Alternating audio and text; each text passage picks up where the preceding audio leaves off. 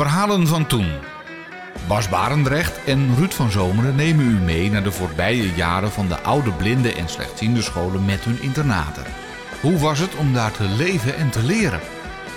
Luister het komende uur naar Verhalen van toen.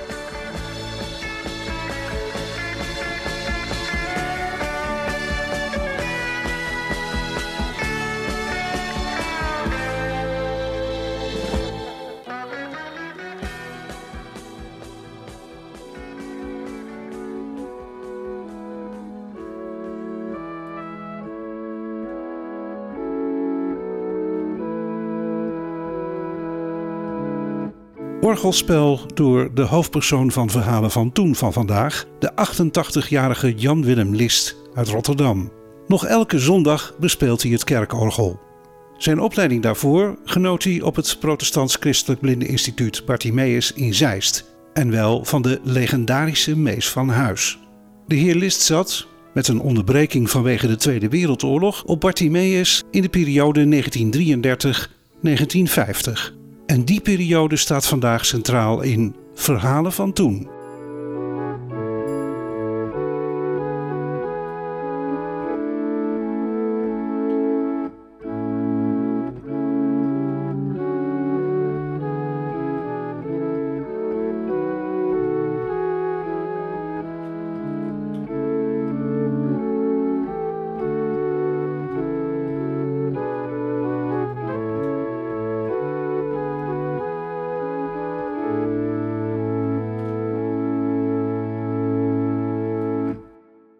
Mijn ouders waren namelijk schipper. En op een gegeven ogenblik eh, hebben mijn ouders bezoek gehad van een zeker meneer Veldheim. Dat was een toenmalig bestuurslid van Bartimeus. En die hebben met mijn ouders overlegd en besproken dat ik naar Bartimeus zou gaan. En toen ben ik in april 1933, de datum weet ik niet meer, maar het was in de loop van april 33, ben ik als zesjarig kind daarheen gegaan. En dat was toevallig net dat heb ik nooit vergeten, op de begrafenisdag van meneer Aldus. En meneer Aldus was het voormalig hoofd van de school. En die is toen vervangen door meneer Laansma. Op het schip, je moet het voorstellen, het was een schip van 205 ton. Het was dus maar een klein schip, een klipper was het. En dat is een heel klein roefje waar je net rechtop kan staan. En daar moesten we met z'n vijven in verkeren. Dus privacy was het, dat woord kende je helemaal niet. En dat hadden we ook niet nodig, dat misten we ook niet. Maar toen ik op Bartimeus kwam, dan kwamen we in die grote zalen en in die grote slaapzalen met twintig uh, ledikanten, tien aan elke kant. Dat was wel heel wat anders dan in dat roefje, waar ik samen met mijn broer in een bedstee sliep. Maar ik moet wel zeggen, de eerste paar jaar had ik het eigenlijk redelijk goed naar mijn zin. Want je komt dan eerst op het meisjesinternaat. Daar waren dan de meisjes en de kleine jongens, tot ongeveer tien jaar. En daar had ik het erg goed, want ik kon vooral met die grote meisjes erg goed overweg. Je had daar Sjoukje Reding. Ze is helaas nu overleden, maar dat was ook een meisje uit Friesland. En dat, als je dan pas van vakantie thuis kwam, dan was het natuurlijk huilen hè, als kind, logisch. En dan kon zij wel altijd erg goed troosten. Maar ja, toen kwam er een periode, dat was dan zo. Dan kwam er een beetje wat oudere en dan was het zo, dan sliep je op het paviljoen, bij de grote jongens zo gezegd. En dan was je overdag op het huis, dus dan was je half om half. En dat vond ik niet leuk. Ik, ik had het bij die meisjes beter naar mijn zin als bij die grote jongens, want die plaagden je nog wel eens. Want als ze merkten dat je huilde, dan zei ze: Jongens, een geheime zender. Er is een geheime zender, zei ze dan. Dus eh, als ik voelde dat dat niet goed ging, dan probeerde ik zo gauw mogelijk maar weg te komen. Het was zo, je had met kerstmis had je dan 14 dagen vakantie. Met Pasen had je ook 14 dagen. En dan had je met de zomer, hadden we wel zes weken. Dus dat was natuurlijk wel mooi. En je kan ook wel begrijpen hoe dat was. Want ik weet nog goed, als het dan een paar dagen voor de vakantie was. Dan gingen we met een hele club jongens en meisjes bij dat klaphek staan. Zo noemden we dat, een groot hek. En dan zei de ene dinsdag. Want dinsdag was altijd de dag dat je opgehaald werd, dat je naar huis mocht. Dinsdag. En dan hard schreeuwen van blijdschap dat het nog maar een paar dagen was. Dus die vakantie, daar keek je natuurlijk heel erg naar uit. Maar het was wel zo, als je één keer op Bartimeus was en je was een paar dagen, was je ook weer helemaal gewend hoor. Dat viel ook wel weer mee. Ik had zelfs een klein voordeeltje. Het gebeurde wel eens dat het schip toevallig twee of drie dagen voor de vakantie in Vreeswijk lag, ik noem maar wat, of in Amersfoort. En dan moesten ze naar Delfzijl. En dan mocht ik in zo'n geval mocht ik eerder weg. Dat is een paar keer gebeurd. Maar het is ook wel eens gebeurd, inderdaad, dat het een dagje later werd. Dat de anderen al weg waren. En dat ik dan die laatste nacht alleen in die grote zaal sliep. Dat is ook wel eens een keer gebeurd. Maar in het algemeen viel dat erg mee hoor. En mijn ouders probeerden er ook zoveel mogelijk op te werken tegen die tijd. Dat het bijna vakantie was. Dat ze geen grote reizen aannamen naar Limburg of naar Groningen. Maar eh, toen ik tien jaar was, toen kwam ik dan helemaal op het paviljoen. En nu komt er een nare tijd. We, hebben nou het, we zijn met het goede begonnen. Maar nu kregen we hele zwarte bladzijden, moet ik zeggen. Toen kwam ik op het paviljoen bij meneer Fokker. Meneer en mevrouw Fokker. Nou, dat waren Nederlandse naties, mag ik wel zeggen, bijna. Uh, op het huis had je dus een. Uh, wie dat was, weet ik niet meer, maar er waren dus allemaal dames. Maar op het paviljoen had je meneer en mevrouw Fokker, een echtpaar. En die waren dus helemaal de baas op het paviljoen. Maar ja, ik was nog zo gewend dat huis en daar ging ik dan wel eens eigenlijk in gewoonte ging ik weer naar dat meisjesinternaat. En dan waren ze me daar op het paviljoen kwijt natuurlijk. Toen moest ik regels schrijven. Ik behoor nu geheel op het paviljoen. En dan zei je niet 50 of 100, nee, dan zei je ga maar regels schrijven. En dan zat je wekenlang zat je te schrijven. En dan moet je je voorstellen dat het niet met de machine zoals nu. Had je nog zo'n lei met zo'n losse blinker, noemden ze dat, en een prikpen. En dan had je de machine 800 klaar of zo. En dan kwam meneer langs, wat zie je eigenlijk te doen? Wat doe je eigenlijk? Maar dat wist hij al niet eens meer. Ja meneer, ik moest toch regels schrijven. Wat schrijf je dan? Ja, dat en dat. Nou, zal ik je dan maar vergeven? Ja, graag meneer. Nou, dan is het je bij deze vergeven, zei hij. En daar stond je op, te zei wat ga je doen? Ja, meneer, u hebt het toch vergeven? Ja, ik heb het vergeven. Maar ik heb niet gezegd dat hij op mag houden. Liet je rust nog een paar weken doorgaan. Dan moet je ook vaak alleen in een kamertje zitten. Dan werd je ergens neergezet en dan zat je daar maar een paar uur. En als meneer er toevallig een dag, dan uh, mocht je wel weer eens weg. Maar dan kreeg je ook geen eten. Was voor de oorlog hoor, denk erom. En toen was er een keer een dienstmeisje, die kreeg medelijden met me, die wist dat. En die op een gegeven moment deze de deur open, gooide een boterham naar binnen, gooide ze naar binnen. En die vent zag het. Staande voetontslag. Dezelfde dag nog weg. Dat kon toen in die tijd. We hadden dan een vast programma. Kwart voor zeven. Ging de deur open. Opstaan, schreeuwde hij dan en hoorde je ene harde bons. Je haalde het niet in je hoofd om nog even te blijven liggen. Ook de grote jongens niet hoor, dat haalde je niet in je hoofd. En dan moest je je wassen, zo gezegd. Dat betekende dat het water van alle kanten van je kop af moest lopen. En dan werd je naar buiten gestuurd. Ook al verhoorde 10 graden, niks mee te maken. Tijd is tijd, naar buiten. Het gevolg was dat als je om half acht binnengeroepen werd, dan stond meneer in de deur en dan klapte hij in zijn handen. En dan moest je binnenkomen. Maar dan zet je daar binnen en dan ging dat, dat, dat haar ontdooien. Want stijf op je kop natuurlijk. Stijf bevroren. En dan liep het water van alle kanten in je hals en in je nek. En dan ging je eten. En je kreeg altijd een paar bruine boterhammen en één wit. En als je het in je hoofd haalde om die witte boterham eerst op te eten, dan kreeg je de zwaarste zat er was. Ik heb honderden keren moeten schrijven: ik moet eerst mijn bruin opeten en dan mijn wit. En zo hadden ze van die mooie regels. Ik heb bijvoorbeeld ook wel eens moeten schrijven: ik weet dat ik niet praten mag. Ik doe het toch. En daarom moet ik nu regels schrijven. Dat was één strafregel. En dat schreef je dan 600 keer of 700 keer. Zo ging dat. Uh, ook een hele mooie straf die ze hadden was alleen lopen, heette dat. Dat wil zeggen, dan liep je wel tussen de jongens in de groep, maar niemand mocht tegen je, met je praten. Jij mocht ook met niemand praten. Je werd helemaal afgezonderd als het ware. En als er iemand de moed had wel wat tegen je te zeggen, en, nou dan kreeg hij natuurlijk ook flink straf. Dan had meneer ook de gewoonte, dan zei hij wel eens, je hebt straf verdiend, wat wil je? Wil je een week vroeg naar bed, direct uit school naar bed om vijf uur? Of uh, alleen lopen? Dan zei je, nou, het is geen waarbij je leuk, maar als ik nou kiezen moet, dan in vredesnaam toch maar naar bed. Het is altijd nog beter. Als oh, weer vroeg naar bed. Oh, goed. Gaan we zes weken alleen lopen. Maar de volgende keer dacht je, oh, dus ik moet zeggen wat ik niet wil. Maar dat hielp niks, want of hij het aan je ogen kon zien, weet ik niet. Maar negen van de tien keer pakte hij toch net datgene wat je niet wilde. En dan had je ook wat zondags de kerk betreft, dat moet ik ook eens vertellen. We hadden toen van die hele lange kerkdiensten van minstens anderhalf uur. En we hadden daar een dominee, ik was gereformeerd van de gereformeerde kerk, dominee Gillebaard. En dat was een dominee die misschien heel goed preken kon, maar voor kinderen was die totaal onbegrijpelijk. En dan ging je eten smiddags en dan moest je de punten zeggen van de preek, want die dominee had meestal drie punten. Ik weet nog goed, een preek uit 1936, toen moest ik ook de punten zeggen, die wist ik niet meer. En die moest ik ze opschrijven. De weg des woords, de wasdom des woords en de weerklank des woords. Dat waren de drie punten. Die weet ik nu nog. Uh, nou, dan was ik negen jaar, denk, nou, tien jaar denk ik. Ik was nog maar net op paviljoen. Ik denk dat het tien jaar was. Je begreep er niks van, maar dat was toch zo. Uh, ik moet wel zeggen, de school. De school, dat was een verademing. Iedereen ging dolgraag naar school in onze tijd. De onderwijzers hebben nooit moeite met ons gehad, dat weet ik zeker. Want je was zo blij dat je nou lekker droog en warm zat. En dat je niet buiten hoefde te lopen in de regen en in de sneeuw. Dat, uh, wij waren er zoet als een lam. En die onderwijzers waren heel goed, heel aardig en heel goed. We hadden meneer Vis en meneer Jansen en meneer Laansma, dat was dan het hoofd van de school. En dan hadden we, in het begin hadden we meneer Pauwels, dat was de muziekleraar, maar die is maar een paar jaar geweest, want die kon het niet volhouden met kinderen. Zelfs met ons niet. En toen is Mees van Huis gekomen, in 1937 was dat. En die is er geweest tot 74, dus is heel lang geweest. En daar heb ik dus ook mijn hele muziekopleiding gehad.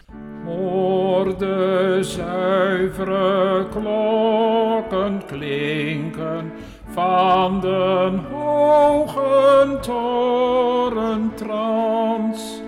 Hoor het liedje dat zij zingen in een frank en vrije dans tonen door het luchtruim zweven als een twinkelend geluid. Klokken die hun liedjes geven, klokken die hun liedjes geven, brengen leven, brengen leven dragend in de verte uit. En ook dit was de heer Jan-Willem List. Meneer en mevrouw Fokker, ze waren heel streng, heel christelijk, heel streng gereformeerd. Als uit dan de daden niet zeggen, maar dat gold zeker alleen voor de zondag, denk ik daar. Maar uh, je haalde het in je, in je hoofd om dat thuis te vertellen. Dat durfde je niet. Dat deed je gewoon niet. Mijn ouders hebben nooit geweten wat ik allemaal meegemaakt heb. Dat, ik, hoe dat komt, weet ik niet, maar dat deed niemand. Dat durfde je gewoon niet. Ja, ik denk uit angst. Want meneer was uh, niet zuinig, want uh, je kon ook flinke pak voor je billen krijgen hoor. En soms met de stok, als die erg kwaad was. Die mevrouw Fokker, die was zo mogelijk nog erger als hij. Maar die was geestelijk niet normaal kennelijk. Die heeft gepresteerd om zogenaamd per ongeluk een slok uit een ammoniakfles te nemen. Nou, dat is ook onmogelijk dat je dat per ongeluk doet, dat kan niet. Dus die was schijnbaar levensmoe, denk ik. Die heeft hem heel lang in het ziekenhuis gelegen, want die maag was helemaal verbrand. Maar die meneer Fokker, die had ook van die gewoontes. Dat was ook een mooie straf. Dan moest je voor straf psalmversjes gaan zitten leren. En, maar denk erom, hij overhoorde het je. Dus je kon niet denken, ik neem lekker een paar bekende. Nee, want hij zocht dat je moet dat leren en dat. Dus zocht die hele onbekende, moeilijke versen op. Het gevolg is wel dat ik nu nog het voordeel heb dat ik alle mogelijke liederen die niemand kent, uit mijn hoofd ken. Want dat is een klein voordeeltje van al de narigheid. Dat je natuurlijk, je geheugen is zo enorm getraind. Dat je, eh, ja, daar heb je geen moeite mee. Hè? En dat was ook met Sinterklaas zo mooi. Met Sinterklaas kreeg je dan een pakje van huis. En dan was het het beste dat je die avond maar zoveel mogelijk naar binnen probeerde te proppen. Want aan het eind van de avond werd het pakje afgepakt en dan werd het door mevrouw uh, in de kast gezet. En als je zo'n hele goede bui had, kreeg je wel eens wat. Maar ik denk dat er meer in de eigen maag verdween als in onze magen. Dus dat was ook niet zo leuk. Maar ik zeg nogmaals, de school die was fantastisch. Mijn eerste schooljaar heb ik nog les gehad van Anne de Vries. Die hele beroemde schrijver van vroeger. Die heeft zulke mooie boeken geschreven, Anne de Vries. Dat was een fantastisch onderwijs. Je kon zo prachtig Bijbels geschiedenis vertellen. Ik weet het allemaal nog precies. Die konden er niks aan doen. Die, die, kon, die, hadden niks te vertellen op het paviljoen natuurlijk. Aan die onderwijzers vertelden we het wel hoor, die narigheid. Die wisten het wel. En toen hebben ze uiteindelijk in 1939, is het zo hoog gelopen, toen hebben die onderwijzers met elkaar en met een paar dames van het internaat, hebben ze kans gezien om uh, die fokker weg te werken. Maar dat kostte heel veel moeite, want het was een man, dat is juist het gekke, naar buiten toe was het een keurige vent. Hij was uh, keurig, hij zou spreken, hij zou geen overtogen woord zeggen. En hij, hij zat in de kerkenraad en hij zat in de Oranje Vereniging. En, ja, het was een goed ontwikkeld, het was geen domme vent. Het was een bruut die precies wist wanneer hij netjes moest wezen. En dat kon hij dan ook heel goed. Niemand heeft geweten dat het zo erg was als wij. Ik denk als we het verteld hadden, dat ze het niet eens geloofd hadden, denk ik. Uh, wij kregen uh, wel genoeg te eten. En dat is het niet. We kregen wel genoeg. Alleen het was absoluut niet lekker. Het was elke dag kon je de klok erop gelijk zetten. Maandag was het soep en dinsdag was het tuurkool en woensdag was het andijvie, ik noem maar wat. En dan kregen een bord vol en dat at je op. En als je het niet naar binnen kwam, dat je het niet op kon, dan kwam meneer, mevrouw Fokker achter je staan en dan scheurde ze je mond open. Hap, slik, weg. Hap, slik, weg. En dan liep het langs je kin naar beneden, dat kon niet schelen. En als je het niet op kon, dan bleef het gewoon staan. En als je dan om half vijf uit school kwam, dan kon je gewoon dat koude eten, kon je verder opeten. Zo ging het in die goede oude tijd, voor de oorlog. Het moest allemaal zo goedkoop en zo. En daarom heeft hij Fokker het zo lang volgehouden. Kijk, we hadden wel een bestuur, maar dat bestuur stelde niks voor. Er was een domer in Zeeland en een, en een notaris in, uh, in Gelderland en een in Groningen. Die kwamen eens per jaar kwamen eens kijken. En, die en je wist precies op welke dag die kwamen. Dan hadden wij een veel beter eten natuurlijk. Dat was prima die dag. Maar uh, dus dat stelde niks voor. Dat bestuur, dat, uh, nou ja, dat was een, een, een lachertje eigenlijk. En als meneer Fokker jarig was, dan kreeg je zogenaamd rijst met pruimen. Dat klinkt mooi. Maar dat betekent een groot bord vol rijst. En als je heel veel geluk had, zaten er twee pruimen in. Maar het kon ook wel zijn dat er maar één in zat of niks. Dat was dan je verjaardagsdiner. Maar nu gaan we even naar een betere tijd. Toen in het begin van de oorlog is die fokker dus weggewerkt. Toen kregen we een ander echtpaar. Dat was meneer en mevrouw van Krimpen. En dat was fantastisch. Ik weet nog goed, toen die meneer pas kwam, toen moesten we allemaal bij hem komen. En toen moesten we alles vertellen wat we tot nu toe beleefd hadden, alle narigheid. En dat, aan hem durven we dat wel te vertellen. En eh, toen is er een hele hoop verbeterd. Het eten werd beter. Uh, niet dat je altijd genoeg kreeg, want ja, in de oorlog werd het natuurlijk wel moeilijk met de distributie. Maar hetgeen wat je kreeg was in ieder geval goed. Want dat was in die tijd van Fokker ook zo mooi. In die tijd van Fokker had je drie potjes. Eerst meneer en mevrouw, dat was het beste. Dan kreeg je het personeel, dat was dan een stukje minder. En dan kreeg je nog het grut, heette dat. Dat waren wij, het grut, heette dat. Dus toen werd het in de oorlog wel een stuk beter. En de juffrouw Voorhoeven heeft er een hoop dingen verbeterd. Maar dat werd toen een nieuwe directrice. Juffrouw Voorhoeven werd directrice van het meisjesinternaat. En meneer en mevrouw van Krimpen waren dan bij ons op het jongenspaviljoen. Met natuurlijk een aantal hulpen. En eh, toen is het een heel stuk beter geworden in alle opzichten. En daar heb ik toch die laatste tien jaar nog een hele mooie tijd gehad hoor.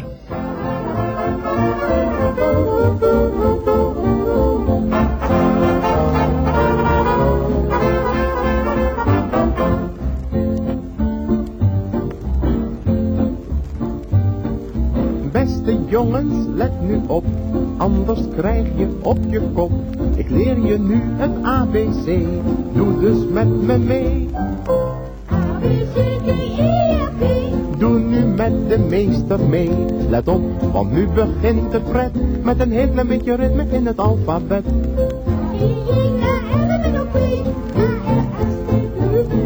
Kom jongens, allen opgelet, een heel klein beetje ritme in het alfabet. Spel nu allemaal krapo. Nu een beetje Heidi, Heidi, ho. Dat is prachtig jongens, alles gaat uitstekend zo.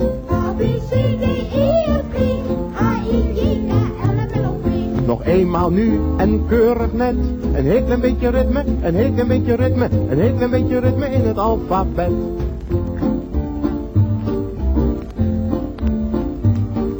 Aapnoot, Mies, Wim, zus, Jet, Teun is op school een oude dreun. Nu komt de verandering, alles gaat met swing. A is het aan die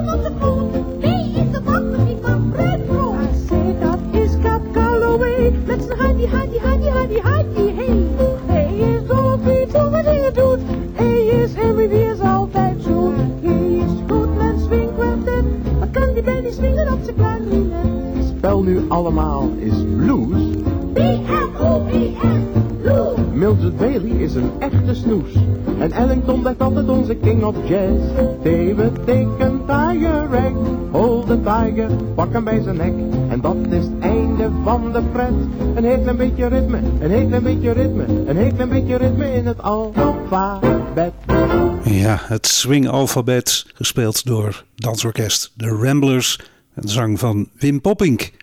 Dit zijn de verhalen van toen, vandaag met Jan-Willem List. We hadden toen een jongen bij ons, Die heette Piet Tankens. Pieter Arie Tankens heette die. Die kwam uit Andel en hij was nog een rijke pa had hij. En die jongen die had erg veel verstand van radio. Hoe hij dat geleerd heeft is onbegrijpelijk, want ik weet niet hoe. Maar die maakte in de oorlogstijd, dan werden die Radio Oranje, vanuit Londen was dat. Dat werd door die Duitsers gestoord natuurlijk. Hè? Allemaal van gekke geluiden. En dan had hij een raamantenne gemaakt. Dan had hij een groot ding met allemaal draden eroverheen gespannen in verschillende richtingen. Ik weet niet hoe hij dat deed. En hij strooide ook een zilverpapier op de grond, geloof ik. Ik weet niet precies meer hoor. Hij kon al die storingen eruit draaien. Wij konden glashelder naar Radio Oranje luisteren. Dan kwamen de onderwijzers middags op school. Dan moesten wij het nieuws vertellen, want hun zij hadden het niet kunnen horen van de storingen. Iedereen was betrouwbaar bij ons, er was geen enkel probleem. Dus eh, we konden vrijuit praten. Er was één jongen, die heette Jan van der Laan. Die was extern, die woonde in Zeist, dus die ging s'avonds gewoon naar huis natuurlijk ook in de weekenden. Daar zijn we een beetje voor gewaarschuwd. Niet dat we, dat we weten dat hij fout was, dat mag ik niet zeggen. Maar we twijfelden een beetje. En omdat hij natuurlijk veel in Zeist kwam buiten het, uh, buiten het hek, zei die onderwijzers wel tegen ons: jongens, wees een beetje voorzichtig. Praat niet te veel als hij in de buurt is. Misschien is het niet nodig, maar je kan beter te voorzichtig zijn als. Maar verder is er nooit iets gebeurd. Personeel was allemaal heel goed. Helemaal geen moeilijkheden. Want we hadden wel dikwijls verschil van personeel. Want er waren ook wel eens meisjes. Die kwamen er zomaar eh, ja, voor drie maanden of zo. Weet je wel, zo'n soort uh, stage. Dus die gingen dan na drie maanden weer weg. Dan kwam er weer een ander. Maar we hebben daar nooit narigheid mee gehad.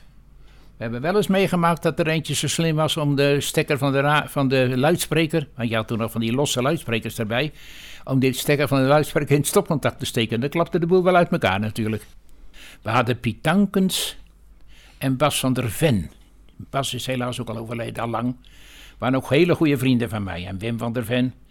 En die Piet Tankens en Bas van der Ven, die hebben het gepresteerd. Uh, ze hebben het laatste jaar van de oorlog, hebben ze dat meisjeshuis, dat grote internaat, hebben ze gevorderd, die Duitsers. Maar daar kwamen wel officieren in. Wel nette kerels bedoel ik, geen, uh, geen soldaten of zo. En uh, dat was toen wel behelpen, want toen moesten die meisjes natuurlijk op school ondergebracht worden, ook wat slapen betreft en zo. Dus dat was een hele improvisatie om dat een beetje voor elkaar te krijgen. En uh, toen hebben die Pietankers en Bas van der Ven, die waren erg ondernemend, die hebben kans gezien om op een nacht dat huis binnen te komen waar die moffen zaten. En die hebben een hele grote mooie radio, een telefoonke, een heel duur toestel, hebben ze meegepikt. En dat hebben ze in de bibliotheek begraven, onder de bibliotheekvloer. Maar de volgende dag kreeg je problemen natuurlijk, want toen werd die meneer Van Krimpen, werd erop aangesproken natuurlijk. Want die Duitsers hadden niet het idee dat een van de blinde jongens dat gedaan had. Die dachten natuurlijk meer aan dat zal een van de personeel wel gedaan hebben. En dat is toen een hele moeilijke kwestie geworden, maar gelukkig is het goed afgelopen. Dus hoe dat precies gegaan is, weet ik niet meer. Maar uh, wij hebben toen, uh, ja, dat hebben ze. Want Piet Ankers en Bas van der Ven en, uh, en ik ook wel hoor. Wij zaten ook s'nachts vaak te luisteren naar de radio. We hadden dan zo'n toestel en dan konden we ook naar, zaten we naar Suriname te luisteren, naar Willemstad. En naar Indië, in India had je toen natuurlijk nog geen begin, voor de oorlog. Van hadden we de Nirom in Batavia op golflengte 19,75 meter. Ik weet, al die dingen weet ik nog. Ik weet nog goed, toen ik pas een jaar op Bartimee was, kregen we onze eerste radio op het schip. Ik was zo bezeten van dat ding dat in één dag tijd kon ik alle zenders vinden die er maar te vinden waren. En uh, in de oorlogstijd had je ook geheime zenders. Die, die moest ik altijd opzoeken, die kon ik altijd het beste vinden. Ja, toen bijvoorbeeld de flitspuit. Dat waren Joden, die hebben twee jaar volgehouden met zo'n geheime zender. Onbegrijpelijk dat ze dat twee jaar volgehouden hebben. En die begonnen de uitzending altijd met... Duitse luizen in Hollandse huizen. Ze moeten eruit. Neem de flitspuit. Zo begonnen ze altijd. En wat de oorlog betreft hebben we eigenlijk niet zoveel. Ja, alles moest verduisterd worden natuurlijk, hè? verduisteringspapier. Want dat was ook zo. Als de personeel van het ene huis naar het andere huis moest, dan moesten een paar blinden moesten hun geleiden. Want het was pikken donker natuurlijk dan buiten. En uh, de blinden hadden daar geen last van natuurlijk. Dus dat was wel een heel eigenaardige geschiedenis. Maar we hebben in de oorlogstijd hebben we eigenlijk niet zoveel. Ja, er is wel eens een vliegtuig neergestort natuurlijk. Je had wel eens wat. Tuurlijk, je merkte wel wat. Maar echt erg veel hebben we niet gemerkt. Uh, moment hebben we eigenlijk pas gehad. Aan het eind van, bijna aan het eind van de oorlog. Uh, in 1944 kregen we dus uh, eind juli de zogenaamde grote vakantie. Die zes weken wat we altijd hadden. Toen hadden we begin september eigenlijk terug moeten komen. Maar toen was het al zo spannend. Toen kregen we bericht vanuit Bartimeus dat in verband met de onzekere toestand eh, zou de zaak nog voorlopig gesloten blijven. En we kregen wel bericht als we weer moesten komen. Maar toen kwam die dolle dinsdag en die spoorwegstaking, dus toen was het afgelopen natuurlijk. En toen heb ik dat laatste, eh, eh, dat laatste oorlogsjaar heb ik eigenlijk bij mijn ouders doorgebracht op het schip. En toen lagen we met het schip in Maasbracht in Limburg. En als we nou de kans waargenomen hadden en we hadden naar de allergevaarlijkste plaats van heel Limburg gevaren, als we dat gedaan hadden, was er niks gebeurd, want die werd zomaar bevrijd. En in die hele veilige plaats waar niks was, daar hebben de moffen gevochten tot ze er beneden vielen. En dus toen op zaterdag 30 september 44 gingen al die schepen de grond in. 300 schepen werden de grond ingeboord door die moffen. Ze hingen van die kistjes eh, springstof erin en dan zag je je hard weglopen en even later vlogen de stukken van je eigen schip om je oren. En toen zijn we daar geëvacueerd bij die boerenbevolking, maar dat was niet zo leuk. Want ik praat natuurlijk over uh, meer dan 70 jaar geleden. Uh, toen was het echt nog van, uh, ja, shippers noemden ze dat, shippers. Dat waren, nou ja, shippers en schooiers was een beetje hetzelfde bij hun. En ze waren daar allemaal streng Rooms-Katholiek en wij waren dan protestant. Dat was ook een heel belangrijk punt in die tijd. Dus we werden nog niet met open armen ontvangen. Maar ja, we moesten toch ergens ondergebracht worden. Toen hebben we vijf weken bij die boerenbevolking daar gewoond. Maar toen moest dat hele dorp evacueren. Toen werd het gekker. Want in het begin konden wij van het schip nog bepaalde dingen meenemen, maar toen dat hele dorp moest evacueren, konden wij niks meer meenemen. We moesten blij zijn dat we nog mee konden. Toen hebben we in een periode van drie maanden hebben we op zes verschillende adressen gewoond. En het laatste was zo erg, daar zijn we zomaar weggelopen. En toen zijn we gelopen naar Montfort. Dat is ook een klein plaatsje in Limburg. En toen zijn we bij Schippers terechtgekomen. Toen zaten we weer in ons eigen clubje in een groot schoollokaal, in een groot klooster. Uh, het was bijna aan het eind van de oorlog. En toen kwamen er een paar Duitsers bij ons binnen, in dat schoollokaal waar we toen nog zaten.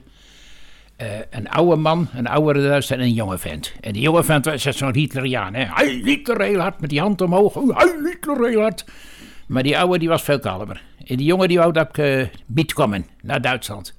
Maar die oude wou het niet. Ach man, die man is ja blind, daar hebben we toch niks. te laat die man toch met rust. Eer kan kartoffelen schillen en aardappels schillen. Hij kan, uh, maar, die, uh, maar die oude hield vol. Hij wou niet dat ik meeging. Toen kwamen ze overeen, dan ging, ze moesten we naar de ortscommandant. Moest die ortscommandant maar beslissen wat er gebeuren moest. Nou is dat behoorlijk met piepzak natuurlijk. Toen kwamen we daar, en het was een heel oud mannetje wat er zat. Want ja, jonge mannen waren allemaal aan het front natuurlijk. En uh, toen kom ik daar binnen en heel vriendelijkje, maar hij gaf een hand en alles. Ik deed mijn uiterste best, netjes goed Duits praten natuurlijk. En uh, was, uh, was machen was studeren Sie? Wat, toen zei ik dat muziek, kerkmuziek. Ach, ze spelen kierige muziek. Dat is ja schön, ze spelen schöne, kierige muziek. Ze kunnen gaan. Ik kon gelijk gaan. Ik kreeg een stevige hand van die man dat mijn vriend was. Mijn broer is wel meegenomen. Die is in Duitsland een tijdje geweest, een paar maanden. Die is gelukkig ook teruggekomen. En mijn zus hadden ze ook mee willen nemen, maar die is, eh, die is weten te ontkomen, gelukkig.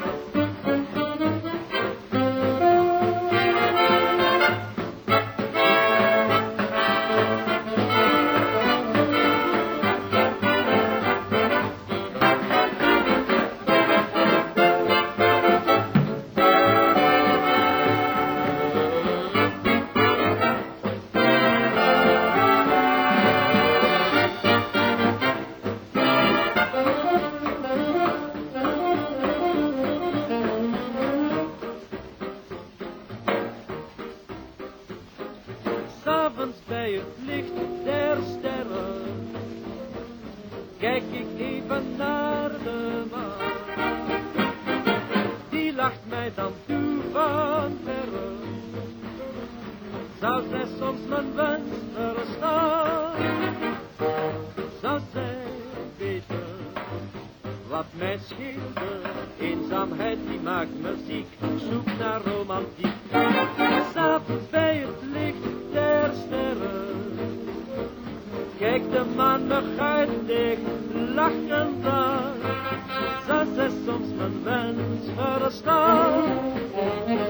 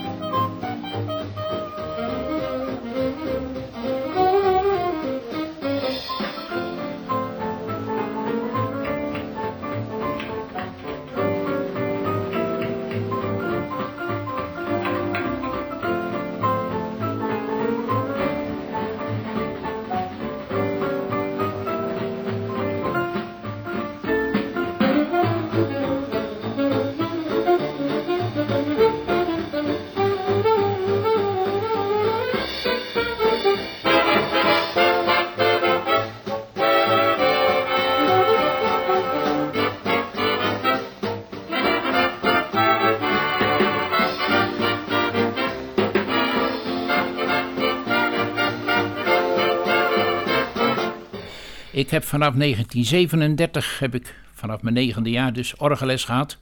Van Mees van Huis. Eerst op zo'n trapharmonium en later op een groot, ele- groot orgel. Pedaal ook.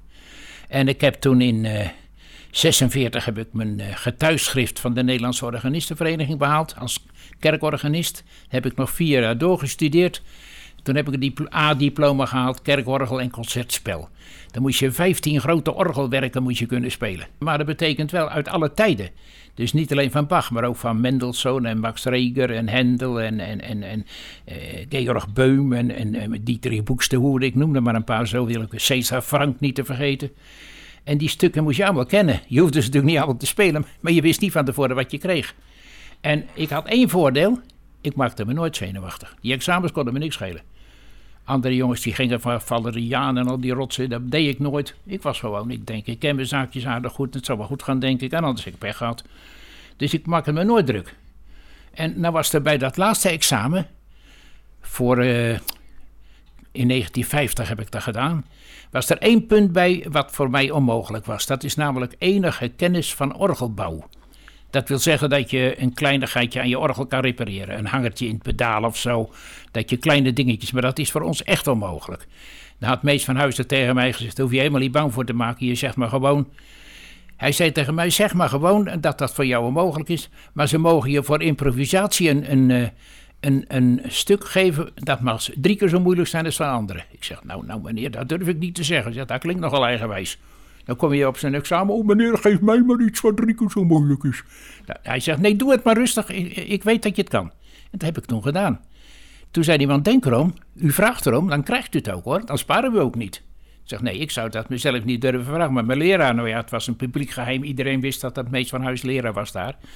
En eh, dan moest je tien minuten improviseren. Je kreeg een bepaald thema, speelde ze een paar keer voor. Dan moest je dan tien minuten over improviseren. En dan moest je na afloop ook vertellen waarom je het zo gedaan had. Dan zei ze, u deed dit en u deed dat, dat was goed. Maar u had ook dat kunnen doen, was ook goed geweest. Waarom koos u voor dit en waarom koos u niet voor dat? Dus je moest het ook verdedigen. Maar ze lieten mij maar spelen. Ik denk, wat duurde die tien minuten toch lang? Op een gegeven moment klopte ze hem op mijn schouder en zei, meneer, weet u hoe lang u nou gespeeld hebt? Ik zei, nou, dat weet ik niet, maar langer dan 10 minuten. Hij zei, ja, u hebt 36 minuten hebben u gespeeld. Nou, dan zat ik goed natuurlijk, hè, met die improvisatie. En dat is natuurlijk het belangrijkste vak van allemaal, hè, op als kerkorganist. Er zijn heel weinig organisten die echt mooi kunnen spelen. Ze hebben een boek voor zich en dus weet er klakkeloos wat er staat. En in die boeken staan die liederen vaak ook nogal aan de hoge kant. Vooral voor oudere mensen is het vaak veel te hoog. Maar ja, voor mij is dat niet moeilijk. Ik speel in alle toonsoorten. Dat maakt me niet uit in welke toonsoort. Dus dat, en dan zeggen ze wel eens hier, "Oeh, wat ben u knap. Ik zeg, ja, nou dan zet je maar eens in de keuken neer. Dan kun je zien hoe knap ik ben. Een kopje thee zetten gaat net nog. Nee, zo knap ben ik niet hoor. Muziekgebied kan ik aardig wat, dan, maar voor de rest valt wel tegen hoor. Ik heb ook alleen maar gewoon lagere school gehad, verder niks. Ik heb altijd heel veel gelezen en interesse overal in. En als- ik iets niet weet, vraag ik het. Want wij hebben op Bartimeus geleerd, ergens naar vragen is nooit dom. Het is, het is juist dom als je het niet vraagt. Want ze merken toch wel dat je niet weet. Je kan veel beter gewoon zeggen, ja sorry, ik begrijp dat niet goed. Ja, dat kon wel. Want die vrienden van mij, zoals Rieders Makkerga, Joop Vellema, Joop Minnaert, eh, eh, Bas van de Ven, noem ze allemaal maar op, Wim van de Ven, dus er zijn er nog veel meer. Die hebben allemaal wel Mu- Mulo gehad en ook laterhand eh, dus handelscorrespondentie vaak wel en zo. Maar ja, toen ik van de lagere school kwam, begon dat eigenlijk net met die opleiding. Dan namen ze eigenlijk alleen degene van wie ze dachten dat die het zeker zouden halen. En misschien hoorde ik daar niet bij. Dat weet ik eigenlijk niet zeker hoe dat gegaan is. Dat, dat weet ik niet goed. Ik weet wel dat toen, eh, toen ik van de lagere school kwam, toen zei meneer Laansma, het hoofd van de school, die zei: Ja, muziek is heel fijn en dat is prachtig. Hij zegt: Maar denk erom. Muziek is een erg moeilijk vak, onbeschermd. Hè? Vandaag heb je twintig leerlingen, morgen heb je er vijf. Dan hebben ze er geen zin meer in, dan houden ze op. Of dan gaat er, ze gaan verhuizen of zo. Dat is zo moeilijk altijd. Muziek is mooi. Als je een vaste baan hebt aan een muziekschool of zoiets, of aan een conservatorium. Maar anders is dat moeilijk. En toen hebben ze eerst nog een poosje geprobeerd. Halve dagen muziek en halve dagen in de mandenmakkerij. Dus manden vlechten, borstels maken, weet je wel. Maar daar maakte ik niks van. Dat werd helemaal niks. Dat, dat, daar zat ik mee te klunzen. Dus dat, toen zeiden ze ook, ja, dan kun je beter één ding goed leren... als dat je straks twee dingen half kent. Dus zodoende ben ik toen toch helemaal in de muziek gegaan. En dan moet ik wel zeggen, en het spijt me heel erg dat ik dat zeggen moet. Ik heb er ook lang over nagedacht of ik het doen zou. Maar ik vind wel dat het moet. Mees van Huis, die heb ik altijd heel hoog gehad. Maar toen was ik bijna klaar. En toen zei ik, meneer Van Huis, nou ben ik bijna klaar. Maar dan moet ik toch wel ook het gewone muziekzetten leren. Want als ik straks ziende kinderen les wil geven, die kan toch niet verlangen dat die kinderen braille leren. Dat, ik moet me aanpassen.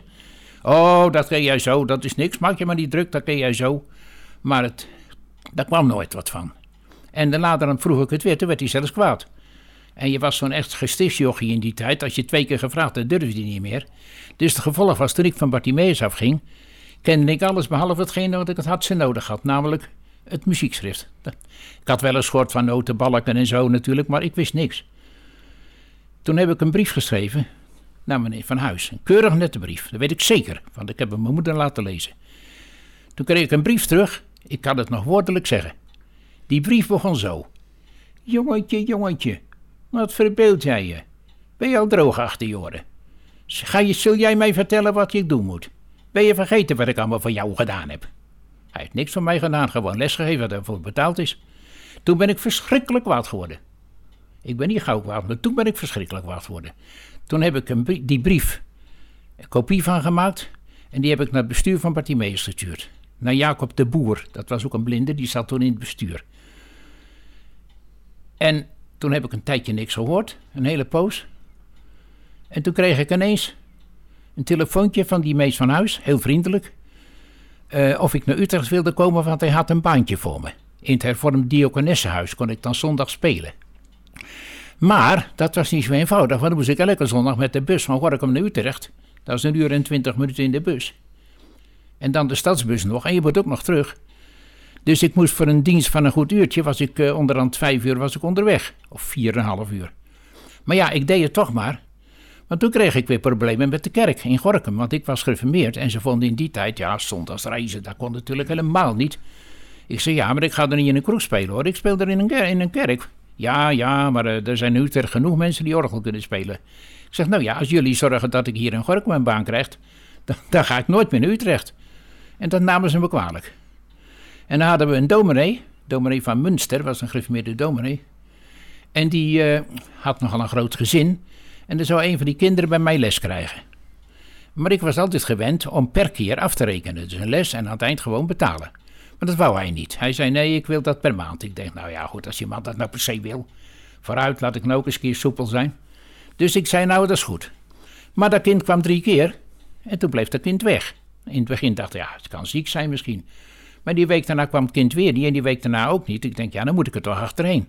Toen ging ik naar die pastorie toe. Kreeg ik heel uit de hoogte. Ja, meneer List, uw geheugen is misschien niet zo goed, dat is dan jammer voor u. Maar ik ben u helemaal niks schuldig. Ik zei, oh nee, nee, want we hebben afgesproken, ik zou per maand betalen. En mijn kind is met drie keer les gehad. En bij mij is een maand vier weken, bij u misschien niet. Ook nog heel hatelijk. Zo ging dat toen. Herder en leraar. Toen ben ik zo verschrikkelijk kwaad geworden, ik heb hem stijf gescholden. Ik zeg, je bent een waardeloze vent, weet je dat? Zeg, als je flink bent, dan ga je zondag spreken over de tekst. Uw geld zijn met u ten verderven. Als je dat durft, dan ben je een vent. Maar dat durf je niet, want je bent de zak.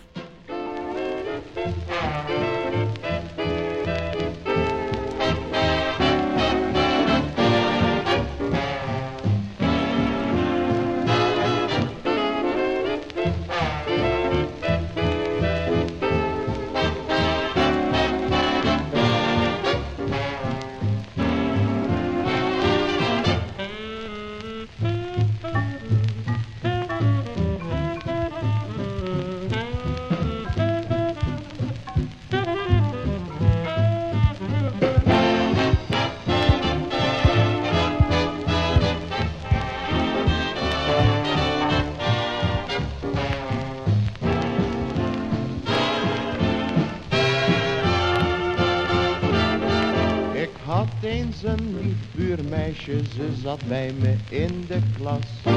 Ik hielp haar met haar sommetjes en na school droeg ik haar tas. Ik ontdekte veel te laat dat ik verliefd was op haar. Want toen was mijn kans verkeken, ik had een medeminnaar. Wij waren beiden dolverliefd op Petronel. Maar ik mocht haar nooit zoenen, Des avonds hing ik steeds als eerste aan haar bel. Maar ik mocht nooit naar binnen, hij wel. Eens op een bal kreeg de bons, maar hij kreeg iedere dans. Het was zo klaar als een klontje, had geen schijn van een kans. Zij is met hem getrouwd en ik bleef vrijgezel. Maar ik heb er geen spijt van, hij wel.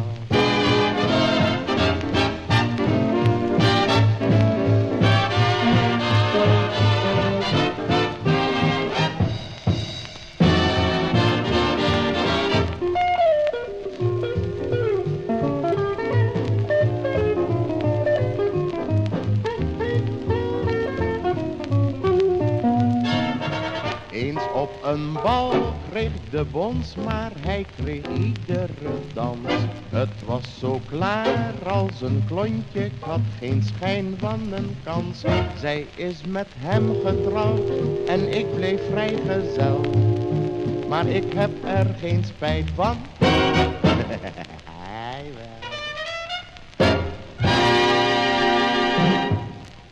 Met die muziekles geven, daar kon je wel een leuk zakcentje mee verdienen. Maar er was veel te weinig om van te leven. Dus ik denk, ik moet wat anders. Maar wat moest ik? En toen heb ik van alles geprobeerd. Ik heb dus eerst eh allerlei sollicitatiebrieven geschreven. Maar ja, dat haalde niks uit. Want ik had gewoon niks. Dat was eigenlijk onzin. Maar ja, je gaat in je wanhoop alles proberen. En toen was er een keer een... eh, een blindenbondsvergadering, een jaarvergadering van de Christelijke Blindenbond, die toen nog bestond, in Zeist. En daar ging ik heen. Toen kwam ik naast een meneer te zitten die ik nog nooit gezien had, meneer Schipperus. Het was ook een, meneer, een personeelslid van Bartimeus, maar die was na mijn tijd gekomen. En ik praatte even met die man en ik weet niet hoe dat was bij mij. Ik dacht, die man moet ik alles vertellen. Heel gek, want ik ken die man helemaal niet. Maar ik denk, die man, die vertrouw ik. Toen zijn we smiddags een grote boswandeling gemaakt en heb ik al mijn ellende uitgestort. Want wat ik nou verteld is nog maar een heel klein deeltje hoor. Wat ik nou verteld heb, dat is nog niks. Nou, die man die wist niet wat hij hoorde. Hij zegt, ik kan u niks beloven, maar ik ga wel mijn uiterste best voor u doen. Hij zegt, ik heb een neef in de gemeenteraad. U moet gewoon alles wat u mij verteld hebt, moet u opschrijven. Als zijn tien vellen vol, dat kan niet schelen. U moet alles opschrijven wat u mij verteld hebt en dan moet u naar mijn neef sturen. Dan zal ik hem inlichten. Dat heb ik gedaan. Ik had toch tijd genoeg dus. Ik had maandenlang hoorde ik niks. Ik denk dat wordt niks. En toen ineens onverwas. Ik was toevallig alleen thuis een dag. En eh, werd er gebeld. En dat was meneer Gerritsen en juffrouw van der Zande. Meneer Gerritsen was het hoofd van het personeelszaken van de gemeente Energiebedrijf, wat nu Eneco heet. En juffrouw van der Zande was maatschappelijk werkster. En die kwamen naar aanleiding van die brief alsnog. Toen ben ik daar telefonist geworden. Maar ik moest alles leren. Want ik, telefoon, ik had nauwelijks een telefoon gezien. Ik had een hele strenge chef, maar een hele eerlijke. Ik kwam bij hem, ik zeg, meneer, ik zeg het u maar eerlijk, want u merkt het toch wel. Ik moet alles leren, ik kan niks. Hij zegt, dan ben jij goed. Dan moet ik jou hebben. Jij zegt tenminste eerlijk, ik moet het leren. Een hoop kerels komen, oh meneer, dat versier ik wel. Maar jij moet het leren. En ik kon geen kwaad bij die vent doen. En eh, 27 jaar ben ik daar nog telefonist geweest. Dat is heel wat anders, dat is muziek natuurlijk. Maar ja, toen kon ik wel mijn boterham verdienen. Daarnaast nog wel eh, even goed muziek, maar veel minder natuurlijk. En dan kerkorganist, hè. Ik was een half jaar op de zaak en ik zat toen in een kosthuis. En toen die juffrouw van de Zande, die maatschappelijk werkster, daar kon ik verschrikkelijk goed mee overweg. Een heel aardig mens. Die zei, ik, ik kan u aan een huis helpen waarschijnlijk heel binnenkort. Maar denk erom, ik praat over 1955. Dan was de woningnood verschrikkelijk groot hier natuurlijk. Ze zegt, maar dan zou u iets moeten doen wat ik u bijna niet durf te vragen.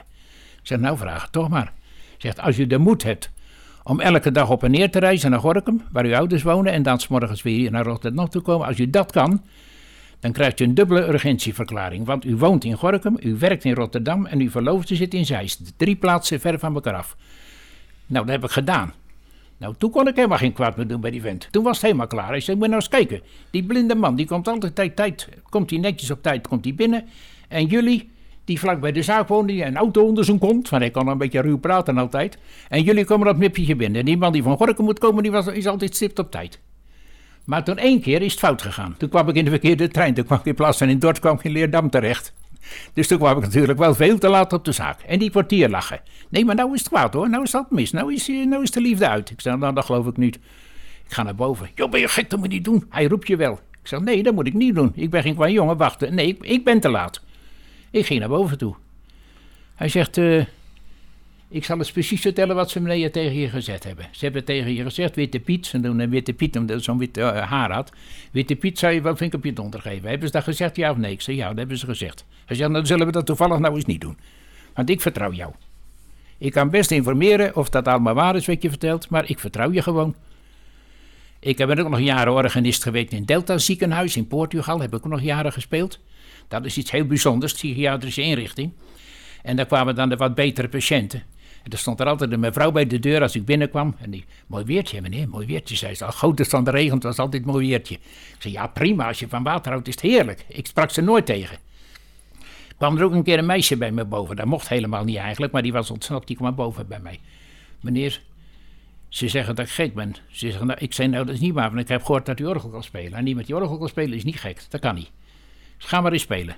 Nee, dat durf ik niet, als ik het dan fout doe. Ik zeg, doe maar rustig, als het fout gaat pak ik het van je over. Dat meisje ging spelen, keurig speelde ze. Ze was wel overspannen verder, maar verder kon ze... En, en toen zei ik, je mag in de dienst ook een vers spelen. Als ze meezingen, speel maar. Ik blijf achter je staan, als het fout gaat pak ik het zo van je over. En toen deed ze dat. Naderhand belde die psychiater, belde die psychiater me op. Zegt meneer Lis, dat heb je met Leni gedaan. Zeg, dat weet ik, ik heb niks, ik heb ze niet aangeraakt hoor. Hij zegt, nee, dat bedoel ik niet, maar ze heeft meer zelfvertrouwen gekregen. Ik zeg, ik heb ze verteld dat ze helemaal niet gek is. Dat ze mooi orgel kan spelen. Ik eh, was opgevoed met het idee van, oh, jij komt er wel, hè? Je kan mooi orgel spelen, je hebt je diploma's, je hebt hele goede cijfers. En wat kan jou nou gebeuren? Je kent je zaakjes en dat is allemaal goed. Nou, dat is er wel een beetje anders gegaan. Ik was niet op de toekomst voorbereid. Ik denk dat dat later beter geworden is. Maar je werd in Bartimeus klaargestoomd voor een bepaalde eh, cursus, voor een bepaald diploma. En als je dat nou wel goed haalde, was het prachtig. Maar je leerde eigenlijk in de praktijk niks. Ja, als ik hoor wat ze later deden, dat ze eh, allerlei dingen leerden, ook uh, ja, je lichamelijke verzorging en, en, en huishoudelijke dingen. Dat, dat heb ik nooit geleerd. Ik bedoel, ja, ja, te school. Dus wat dat dacht, heb ik eigenlijk te weinig meegenomen. En het meest van huis heeft me onnoemelijk teleurgesteld. Dat, dat is zo'n teleurstelling voor me geweest. Want ik had die man altijd heel hoog. En ik zeg nog, het was op zich een hele goede muzikus hoor. En dat Bartimeuskoor heeft hij prachtig gedaan. Ik zeg het goede ook. Maar dat hij me toen zo in de steek gelaten heeft, dat is verschrikkelijk geweest. En ik heb wel wraak genomen, zeg ik. Want toen was het in 1974. Nam hij afscheid van Bartimeus. En toen hebben we nog eens met het oude Bartimeuskoor... Uh, een paar concerten gegeven in de Evangelische Broedergemeente in Zeist en in de buurkerk in Utrecht, waar hij altijd organist was. Normaal had ik eigenlijk niet mee mogen doen, want ik was natuurlijk veel te lang weg, al meer dan twintig jaar. Maar eh, Corrie Doelman zat toen in de leiding van die zaken, daar kon ik heel goed mee overweg, trouwens nog. En uh, die zei, nou, van jou geldt dat niet. Jij zit helemaal in de muziek, jij mag vast wel meedoen. Dus ik heb dat voor elkaar gekregen. Toen heeft hij het gepresteerd om tegen de leiding die er toen was, Kijk eens, uh, juffrouw, uh, dit is meneer List. Die heb ik helemaal opgeleid nog tot zijn examens toe. Ja, en hem daarna in de steek gelaten hem in de grond getrapt, zeker achteraan. En daar heb ik geen spijt van. Als hij niks gezegd had, zou ik ook niks gezegd hebben hoor. Ik was van helemaal niet wraakzuchtig. Ik was helemaal niet van plan om te doen. Maar toen hij zo begon, zijn eigen omhoog te steken ten koste van mij, toen dacht ik, ja, maar dan moeten we de andere kant van de zaak ook maar noemen. Als dat dan toch moet. Maar leuk vond ik het niet. Want mijn moeder zei, joh, dat jij meegaat met dat zingen. die man heeft je zo in de steek gelaten. Ik zei, ja, maar ik ga niet voor die man. Ik ga voor het zingen en voor, mijn, voor, voor, die, voor mijn eh, leerlingen van vroeger. Voor mijn, eh, dat vind ik fijn om elkaar maar weer eens te ontmoeten en zo. Want ik heb altijd goed contact gehouden hoor. Zo lang mogelijk. Ja, nu heb ik geen contacten meer. Want ja, al mijn vrienden zijn eigenlijk overleden praktisch van vroeger. Ik heb bij dat koor nooit orgel gespeeld. Nee, wel altijd meegezongen jarenlang. En uh, van Oene, hè, dat was toen de ster. D. van Oen, de sopraan. En Roelie. Roelie heeft ook wel eens gezongen. Ik heb nog een opname van haar toen ze 15 jaar was. Ja, ik heb altijd heel veel opnames gehad hoor, want dat is een kous apart. In 1954 kreeg ik mijn eerste bandrecorder. Dat waren toen dat die hele grote kasten. En toen heb ik honderden banden aangeschaft. En ik heb van alles opgenomen. Want ik, vond, ik was gek op die lichte muziek van vroeger. Niet van nu hoor, wat er nu is vind ik allemaal vreselijk. Maar al die leuke muziek van vroeger, die liedjes van Willy Derby, Louis Davids, Bob Scholten, Kees Pruis. En dan die Duitse liedjes allemaal, het Wiener Bohem Orkest, de Meisterzingers. Weet je wel, dat vond ik prachtig allemaal. Dat was heel ander soort muziek als tegenwoordig.